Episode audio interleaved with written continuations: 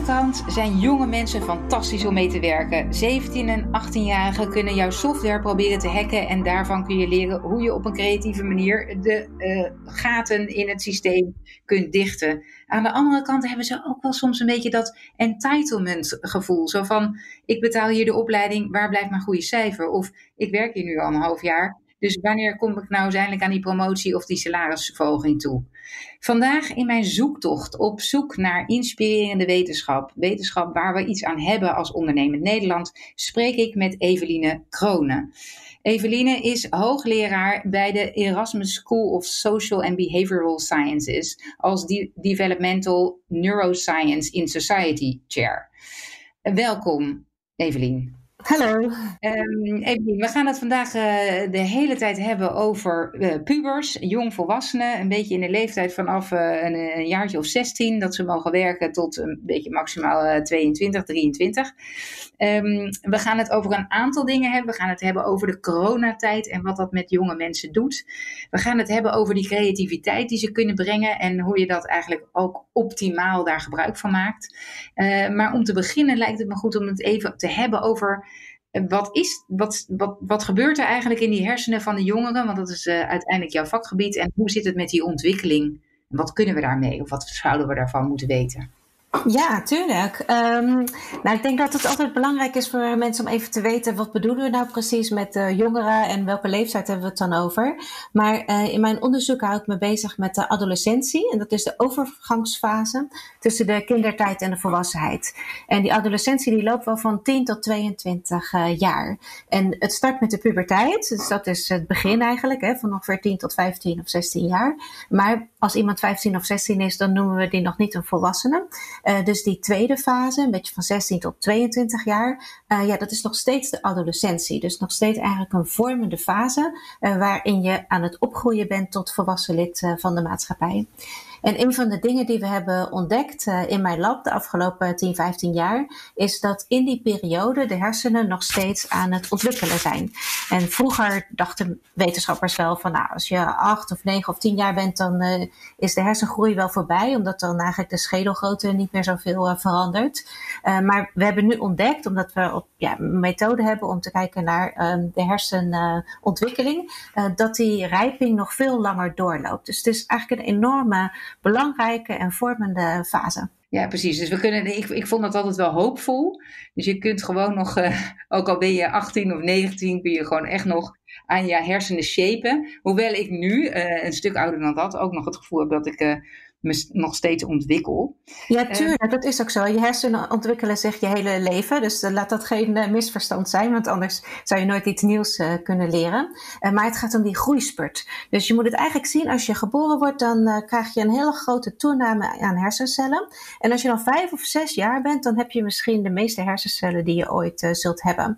En dat blijft dan een tijdje zo. En dan tussen de ja, ongeveer 10 en 22 jaar is het eigenlijk een snoeiperiode in de hersenen. Dus de hersencellen die niet zo belangrijk zijn, die worden afgevoerd. En de hersenen die hun werk heel goed, hersencellen die hun werk heel goed doen, uh, die blijven eigenlijk uh, ja, bestaan. En die worden ook steeds sterker. Dus het is die groei- en snoeifase, dat is waarom het zo'n belangrijke vormende fase is. Ja, precies. En dat maakt ook dat je dan nog een, een aantal ontwikkelingen echt kan doen. Hè. Je kan dan nog topsporter worden in, in verschillende gebieden of een, uh, of een topschager. En dat wordt gewoon lastiger als je, dat, uh, als je de 30 bent gepasseerd en je denkt dan van laat ik nu nog eens eventjes... Uh, ja, helaas wel. Er zijn wel andere dingen die je weer veel beter kan als je dertiger bent. Maar um, die, echt die boost aan creativiteit en vernieuwing, die zit echt in die levensfase. Oké. Hey, en um, als we het nou hebben over jonge mensen op het werk, hè, dan, dan zijn ze dus nog eigenlijk zichzelf aan het ontwikkelen. Mm -hmm. uh, en er zijn denk ik ook wel verschillende groepen te maken. Hè, van, werk je nou als bijbaantje uh, bij de Albert Heijn of bij de Jumbo of bij uh, nou, de Plusmarkt? Of uh, werk je op een stageplek om echt een vak te leren? Uh, wat zijn dingen waarvan jij denkt van dat is eigenlijk wel belangrijk dat we ons dat realiseren? En hoe zou je eigenlijk het meest optimale omgeving voor hun kunnen creëren? Um, ja, mooi hoe je dat, uh, hoe je dat uh, verwoordt. Ja. Um, nou, ik denk dat het wel belangrijk is om daar wat onderscheid uh, in te maken. Want kijk, als je tussen 16 en 20 jaar bent en je werkt ehm, in de supermarkt bijvoorbeeld, dan doe je dat vaak ook om ja, gewoon wat bij te verdienen, maar ook om gewoon wat ervaring op te doen met werken. En het is eigenlijk heel goed voor jongeren. Je leert op tijd komen, je leert je regels te houden, je leert samenwerken met anderen. Dus eigenlijk om heel veel redenen is het heel goed als jongeren een, een bijbaantje hebben. Meer dan alleen dat ze er geld mee kunnen verdienen. Um, terwijl als je bijvoorbeeld begin twintiger bent, ja, dan heb je vaak de ambitie om een carrière te gaan maken. Of dan denk je van, nou, nu is het mijn beurt en nu ga ik uh, bijdragen aan uh, een bedrijf. Uh, en dat is vaak om een andere reden. maar beide zijn heel erg, heel erg belangrijk. Ja, en ik heb toevallig zelf kinderen die aan, het, aan de slag gaan. Of in ieder geval eentje is echt zo'n bijbaan bij de Albert Heijn. Dus ik herken meteen van, oh ja, eh, laatst, het, het, was nu heel warm weer, maar hij mag dus niet in een korte broek werken. Toen dacht ik, oh ja, dat is wel goed dat ze dat uh, nu al bij en meekrijgen. Dat je er natuurlijk een beetje fatsoenlijk uit moet zien op je werk. Ja. Uh, dus uh, dat is ook wel belangrijk. Nou, nou zitten we er natuurlijk nu in die coronatijd. Hè? Dat betekent eigenlijk dat er juist veel kinderen die normaliter op terrassen lopen of dat soort werkervaring opdoen of juist stages lopen, dat die, die kansen missen wat, wat, wat zal het voor een impact hebben? Heb je daar enig idee van? Um, ja, het, het gaat zeker impact hebben op uh, jongeren. Um, als het niet nu is, dan is het wel uh, in de nabije toekomst. Um, want uh, ja, de jongeren die nu net een carrière willen beginnen of gewoon op de werkvloer ervaring op willen gaan doen, die worden hier natuurlijk ontzettend in geraakt. we doen er zelf ook onderzoek naar, dus we volgen jongeren voor en tijdens deze periode en dan hopelijk ook straks nog erna. en wat we zien bij jongeren, dus dan heb ik het echt over de leeftijd van uh, 16 tot uh, nou ja, begin uh, 20. Is dat ze eigenlijk een heel grote behoefte hebben om wel bij te dragen. Dus ze willen eigenlijk gewoon iets, iets nuttigs doen.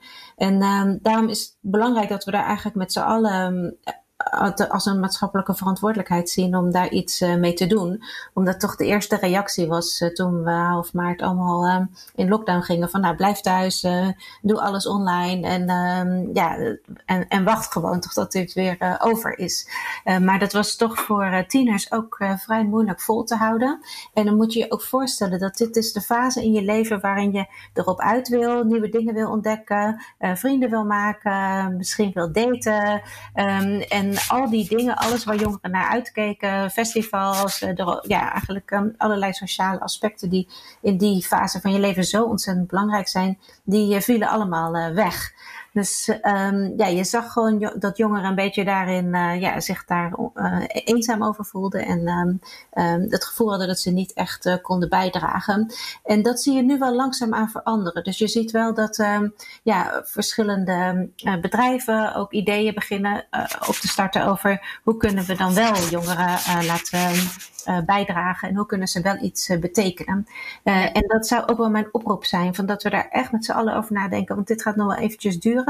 En hoe kunnen nou die jonge mensen eigenlijk hun creativiteit inzetten bij de oplossing voor deze crisis? Ja, dus dat is eigenlijk ook die oproep van Mark Rutte, hè, om, daar, om daar iets aan te doen. Maar laten we even teruggaan naar ehm, de optimale inzet. Hè? Want jij zei al van de hackers, je kunt die kinderen die creativiteit um, van die kinderen eigenlijk veel meer gebruiken. Want je zit juist in die ontwikkelfase ook met. Uh, ja, dat je nog heel erg open staat, ook met allerlei nieuwe ideeën. En nog wat minder in de conventies zit die we allemaal al geleerd hebben. Van, oh ja, maar dit zeg je niet of dat zeg je wel. Mm-hmm. Uh, hoe zou je dat hè, als ondernemer of, of in een ondernemend bedrijf of als iemand die die jongeren begeleidt, hoe zou je dat, dat daar meer van kan, kunnen profiteren of hun, ja, hun ook op waarde schatten? Um, ja, als ik even terugga naar uh, die, uh, die bevinding van die hersencellen, hè, dat je eigenlijk een overproductie hebt en dan wordt er in je hersenen gesnoeid. Um, nou, wij waren daardoor geïntrigeerd uh, in mijn lab. We dachten van, uh, ja, waarom is dat eigenlijk?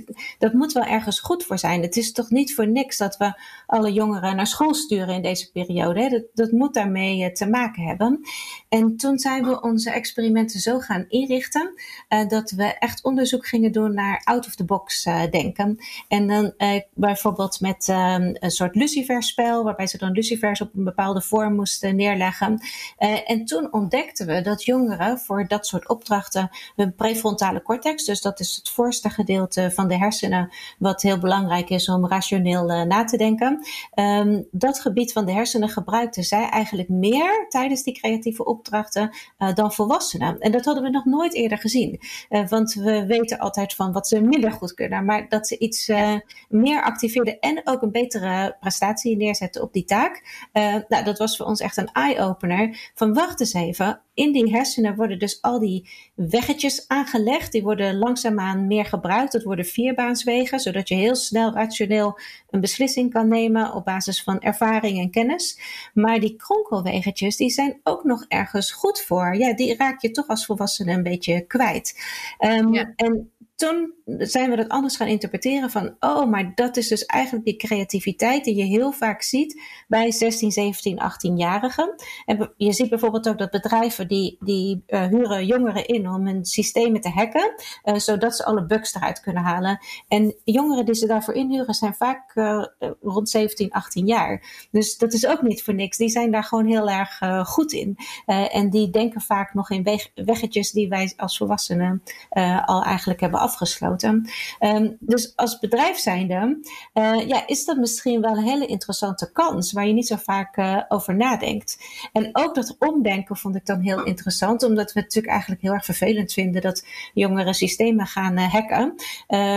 want dat is natuurlijk hartstikke lastig en ze denken helemaal niet na over de toekomstige consequenties. Maar je kunt het ook inzetten. Je kunt ze ook inhuren om je eigen systeem te hacken, om het vervolgens veiliger te maken. Dus ja, je kunt als bedrijf ook proberen om daar creatief mee om te gaan. Ja, precies. Ik moet ook meteen denken aan die Marshmallow uh, Challenge, die je dan door kleuters liet doen, volgens mij. En, en uh, uh, leerkrachten deden het en, en nog een gewone set mensen. Um, ik, leerkrachten zijn ook wel gewone mensen hoor. Ja. ja nee, maar, maar gewoon, dus leerkrachten als aparte aparte ja. En dan had je gewoon een gemiddelde, gemiddelde groep mensen. En dat die kleuters, geloof ik, de beste challenge hè, de, de, van een opdracht met zoveel spaghetti staafjes en plakband en, en nog iets had je geloof ik. En dan moest je zo hoog mogelijke toren bouwen.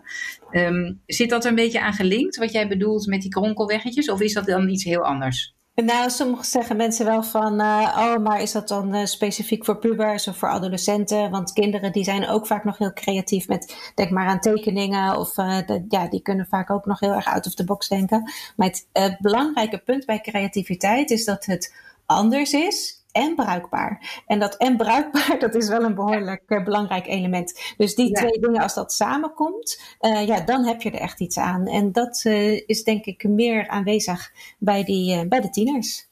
Ja, dus leuk. Dus stel, ik heb nu een stageplek. Hè? Vaak uh, proberen we dan eigenlijk een beetje uitvoerend werk aan die stagiaires te geven. Uh, is mijn ervaring. Dus dan denk je, oh ja, we hebben eigenlijk, uh, we kunnen wel iemand vragen voor social media, want die kan dan die post plaatsen of uh, die kan wel helpen met de klusjes in de zomervakantie. Uh, maar we zouden eigenlijk dus nog meer moeten nadenken over wat, uh, ja, waarin kunnen ze ook die creativiteit laten zien. Terwijl ze ook nog niet helemaal kunnen overzien wat de complexiteit is van het bedrijf. Hè? Ja, het is ook niet zo makkelijk als dat hoor. Want je kunt ook niet uh, van jongeren verwachten dat ze zomaar uit het niets met allerlei creatieve oplossingen komen. En dat was ook wel een beetje een puntje bij die persconferentie van uh, Mark Rutte. Allereerst vond ik het natuurlijk heel erg leuk dat hij jongeren zo direct uh, aansprak. En dat hij gewoon daar gehoor geeft aan die stem die ook heel erg belangrijk is. Want zij moeten straks in de toekomst ons weer hier uitkrijgen. Um, maar je kunt niet zomaar tegen jongeren zeggen die nu op een zolderkamertje zitten schrijf een uh, brief naar het katshuis met de oplossing. Ja, zo werkt het niet. Dus jongeren hebben ook wel veel begeleiding uh, daarin nodig. Uh, zodat je ook met bijvoorbeeld met focusgroepen of manieren om ja, eigenlijk een probleem gezamenlijk aan te willen pakken, dat je hun stem daarin meeneemt. Maar echt verwachten dat ze uit het niets een creatieve oplossing bedenken die wij nog nooit eerder hebben bedacht, um, ja, dat is toch iets te makkelijk gedacht. Ja, dan zouden we misschien wat meer structuur moeten aanbieden. Hè? Er zijn natuurlijk, bestaan heel veel brainstormprocessen. Of je hebt die, uh, natuurlijk die sprints, sprintmethodes van uh, agile werken. Uh, dus je zou misschien kunnen voorstellen dat in, als, als er een duidelijke structuur is met een helder issue of een, of een uitdaging die er ligt, dat je ze dan en je neemt ze mee in dat proces als één, als een onderdeel van een groter team, dan zou het misschien juist wel heel interessant kunnen zijn. Ja, en wat ik ook zo heerlijk vind bij jongeren is dat die zijn nooit zo onder de indruk van alles wat je al uh, hebt opgebouwd. Dus dan denk je, nou, er staat hier een fantastisch eh, bedrijf met uh, allerlei ehm, extra raden die advies geven over van alles en nog wat. En daar is heel lang over nagedacht. En jongeren hebben dan vaak toch een beetje iets van, oh, is dit het of zo? Ja, ik vind dat dan heel erg leuk dat ze dan gewoon niet zo snel onder de indruk zijn van ja, alles wat al is opgebouwd ook uh, in, de, in de maatschappij. Uh, maar daardoor, ja, weet je, kijken ze er weer met een frisse blik naar, weer met, uh, met de ogen van hun generatie. En we moeten al, wel oppassen dat we niet als volwassenen te snel dan zeggen van, oh, dat hebben we al een keer geprobeerd en dat werkt allemaal niet of zo. Dat is vaak een beetje de standaard reactie. Maar daardoor, ja, ja loop je soms ook wel eens interessante nieuwe inzichten mis.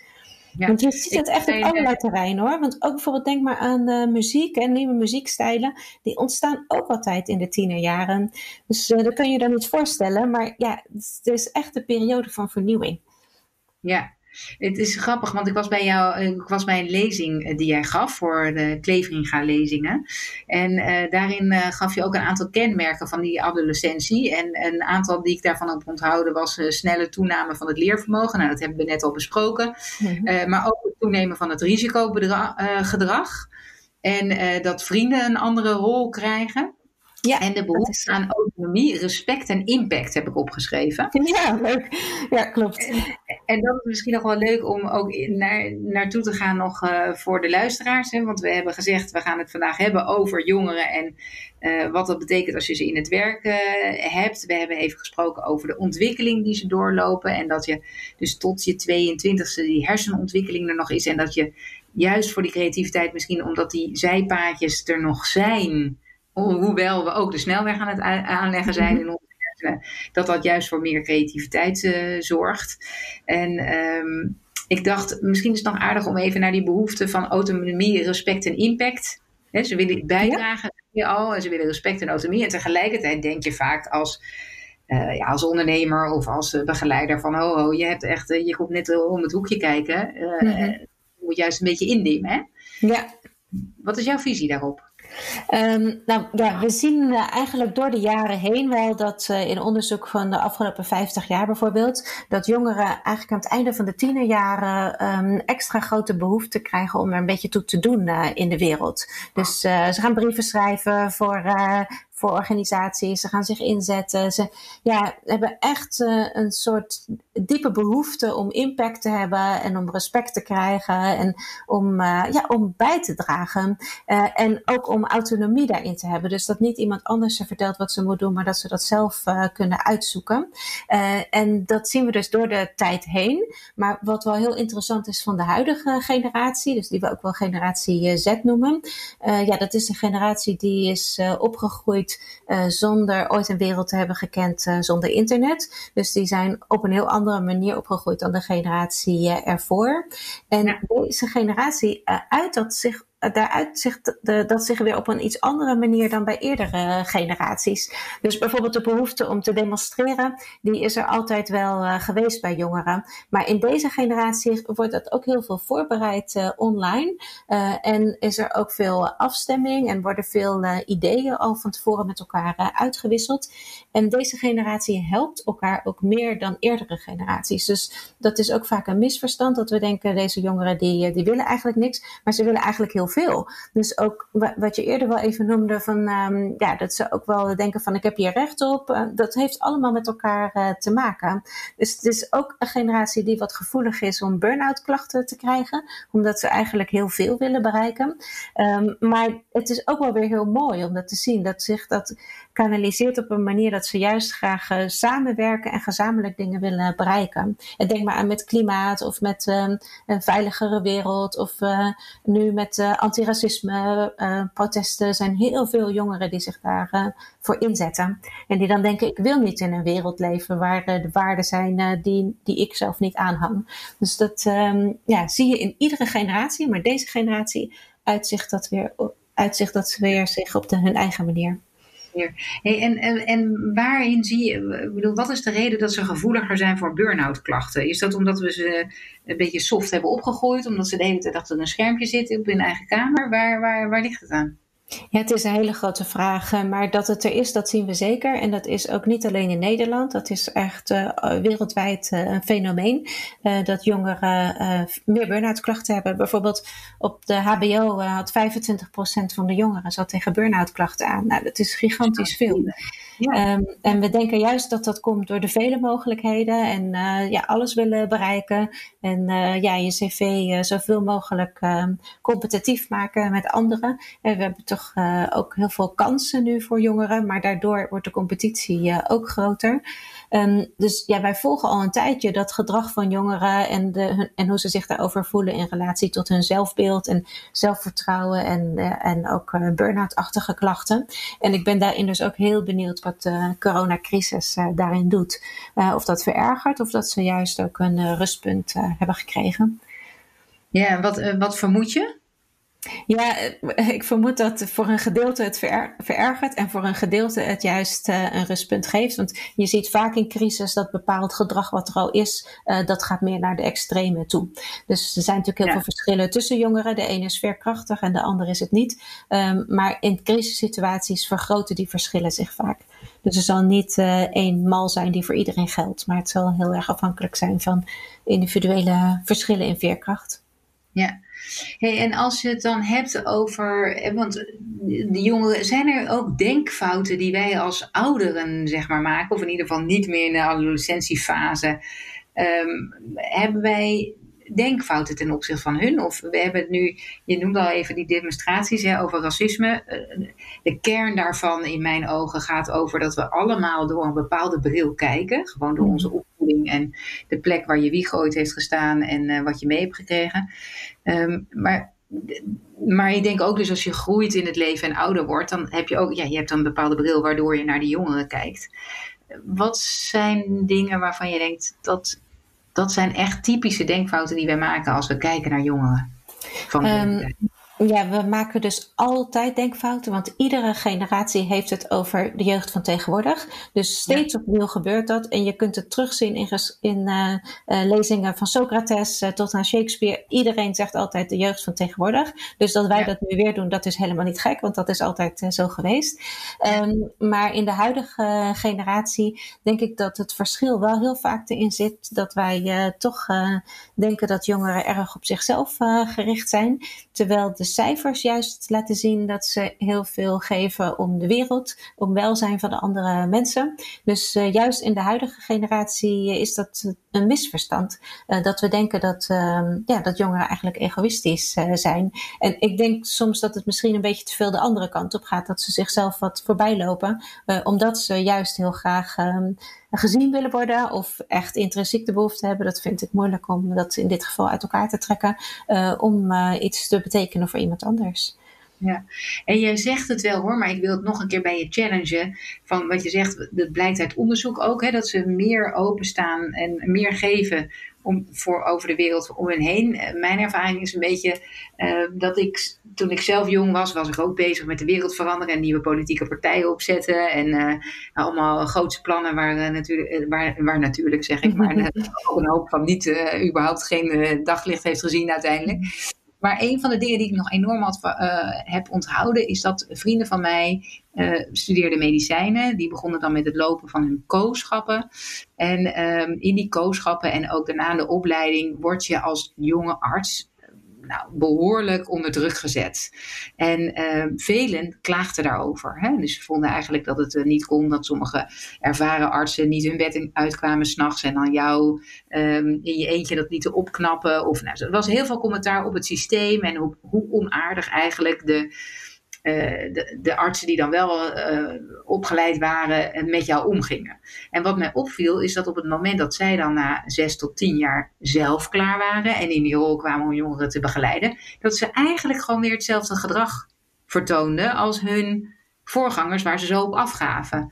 En dan zie je ook wel vaak dat we dan denken van ja, maar ik heb dat ook gehad en dat heeft me ook gesterkt en gehard en dat is nodig in dit vak. Hè? Dus we gaan ook vaak goed praten mm uh, wat we dan zien. En dat, dat gevoel heb ik ook een beetje bij de jongere generatie van zijn jongeren niet altijd bezig met de wereld moet anders en het moet beter. En dan eindigen ze, ze zo direct toch weer gewoon als de gewone consument die op prijs hun keuzes maakt en niet de wereld verandert. Um, ja, uiteindelijk, dus dit is altijd zo geweest, dat is waar. Het is kenmerkend voor deze levensfase. Daarom brengt hij ook vaak uh, vernieuwing. Uh, en het is ook zo dat als zij wat ouder worden, uh, dan zal dat gedrag wel weer veranderen. Ik denk daar vaak aan bij Greta Thunberg, die dan als ja. 16-jarige vol emotie de Verenigde Naties stond toe te spreken. En dat mensen dan ook wel kritiek op haar hadden. Van, nou ja, dat doe je toch niet. En ik dacht, nou, het is toch fantastisch. Ze is 16 jaar. Echt, als zij 4, 25 is, is ze heus wel geciviliseerd. En dan doet ze dat niet meer. Maar gelukkig doet ze het nu nog. Ja, ik vind het dan heel mooi.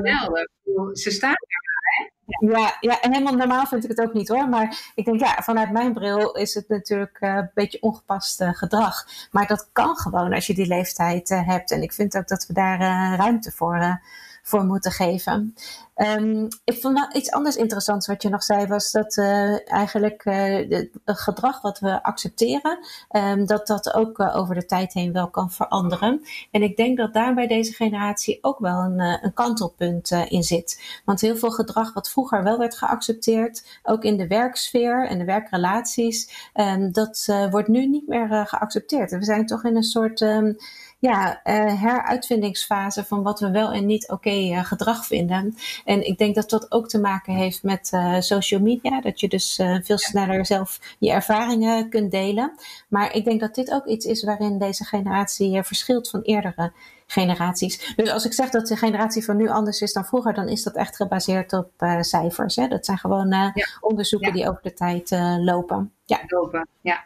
ja. Dus ik heb, we hebben toevallig net een andere podcast nog opgenomen. En dat gaat ook over dat we nu zien dat bijvoorbeeld in Seattle het politiebureau gesloten wordt, omdat de menigte het gewoon forceert. Ja. En um, dat, dat er een afrekening is van nee, deze cultuur bij de politie die accepteren wij niet meer als gezags hebbenden.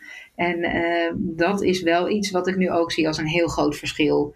Ja. Uh, wat, ook wat je net zei van met die demonstraties en het van tevoren met elkaar afstemmen en veel meer communicatiemogelijkheden met elkaar hebben om ook een beweging te starten. Dat is natuurlijk wel echt een verschil. Ja, zeker. Ja, ja. Uh, we moeten afronden met de podcast. Um, als jij nog tips zou mee willen geven aan uh, ondernemers of ondernemende Nederlanders die in grotere bedrijven werken, wat, wat is, is er nog iets afsluitends waarvan je zegt van jongens, dat moeten we echt, uh, als we het hebben over deze groep jongeren, dat moeten we niet vergeten? Um, nou, kijk, weet je, je denkt natuurlijk heel vaak aan wat je er zelf aan hebt uh, als iemand een werknemer bij je is. Maar ik denk wel dat het belangrijk is om uh, te realiseren dat je ook echt een maatschappelijke bijdrage levert als je jongeren de kans geeft om binnen jouw bedrijf uh, te groeien. Want ze moeten het ergens leren en het is echt een hele belangrijke vormende fase. Um, dus dat bedrijven kansen geven aan jonge mensen om ook te leren en te starten. Zeker nu in de coronatijd waarin we toch ons zorgen maken over jongeren die straks geen kansen hebben om op de arbeidsmarkt te starten. ik weet dat heel veel andere mensen voor andere leeftijdsgroepen een pleidooi houden. Maar um, ik denk dat het ook belangrijk is dat, dat um, werkgevers zich realiseren of bedrijven zich realiseren dat het niet alleen gaat om dat ze misschien wat goedkoop zijn en veel opleveren, maar dat je ook echt iets betekent voor die jongeren door ze die structuur te geven en de mogelijkheden om zich te ontwikkelen. Ja, wat een prachtige laatste zin. dus daar afsluiten. Dankjewel Eveline voor jouw tijd en uh, dat je je kennis met ons wilde delen, uh, wat je onderzocht hebt en uh, hoe je ernaar kijkt. Het is heel interessant om misschien later nog eens een keer op te nemen over een jaar, om, als we het kunnen terugkijken op deze coronaperiode. Ik hoop dat we dat dan kunnen doen. Voor de luisteraars, dank voor het luisteren. Like deze podcast, deel hem als je het belangrijk vindt. Tag mensen erin waarvan je denkt, hey, die zouden meer kansen moeten krijgen op stageplekken en dan kunnen we daar ook eens naar kijken Ga ik zelf eens kijken of ik daar wat aan kan doen. Mocht je opmerkingen hebben of ideeën over wie je graag zou horen in deze podcast, kun je mij mailen op Wendy, apenstaartje, vpeople, dat schrijf je met V-I-E, en dan mensen in het Engels people.com. Tot de volgende keer en Eveline, nogmaals heel erg bedankt.